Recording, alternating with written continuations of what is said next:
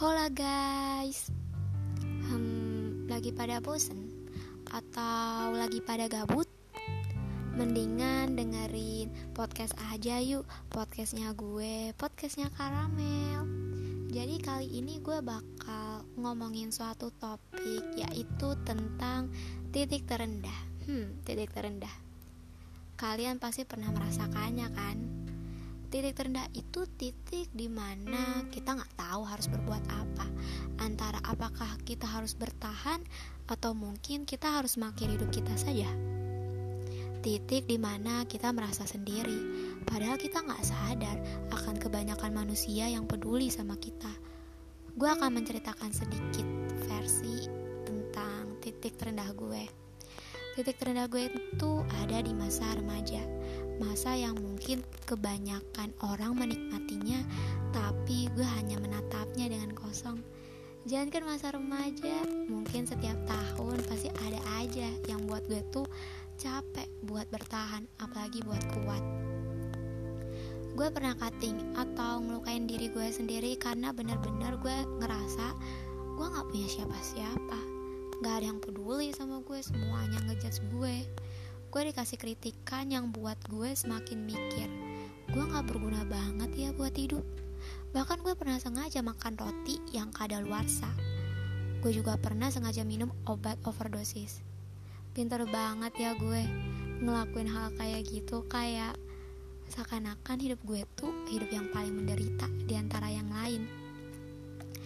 Di saat manusia mengalami titik terendah, kemungkinannya ia tidak mampu, tidak mampu untuk berpikir secara dewasa. Yang ia pikirkan hanyalah bagaimana cara untuk menyakiti dirinya, bukan cara untuk menyembuhkan lukanya. Setiap manusia itu mempunyai cara untuk kuat atau bertahan. Mungkin kalian saja yang belum menemukannya. Cari versi kuat buat diri sendiri. Cari cara buat nyembuhin luka yang belum sembuh Jangan hanya diam saja, jangan pernah berpikir kalian itu sendiri. Manusia itu pada dasarnya nggak mampu untuk sendiri. Mereka harus butuh orang lain yang mungkin bisa buat mereka tenang hatinya. Jangan pernah membandingkan hidupmu dengan hidup orang lain, karena itu gak bakal selesai, gak ada habisnya juga. Cara manusia untuk melewati titik terendah itu bermacam-macam ada yang berusaha menutupi sedihnya dengan terus tersenyum, ada yang menerima, ada yang berusaha untuk melepaskan, atau mungkin ada yang berusaha untuk melakukan suatu hal supaya mereka tidak terlalu terbebani. Hidup itu gak selalu tentang senang. Ada masanya hidup kita akan terlihat menyedihkan. Ya mau gak mau kita harus menjalaninya bukan mengakhirinya. Boleh kok mengakhirinya, tapi dengan cara yang baik-baik ya. Pasti ada hari di mana kita akan tahu yang sebenarnya. Entah itu senang, sedih, atau kecewa. Jadi siapin aja ya hatinya. Pada akhirnya kita harus memilih satu hal yang pasti. Pada akhirnya kita juga yang menerima. Dan pada akhirnya kita juga yang merelakan walaupun itu sakit.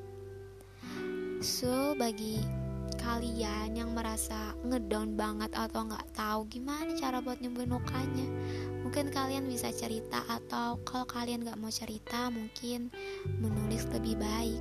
Karena dengan menulis pasti akan berbeda rasanya dari sebelumnya. Jangan nyerah sama hidup ya jalanin aja dulu nikmatin aja sebisanya.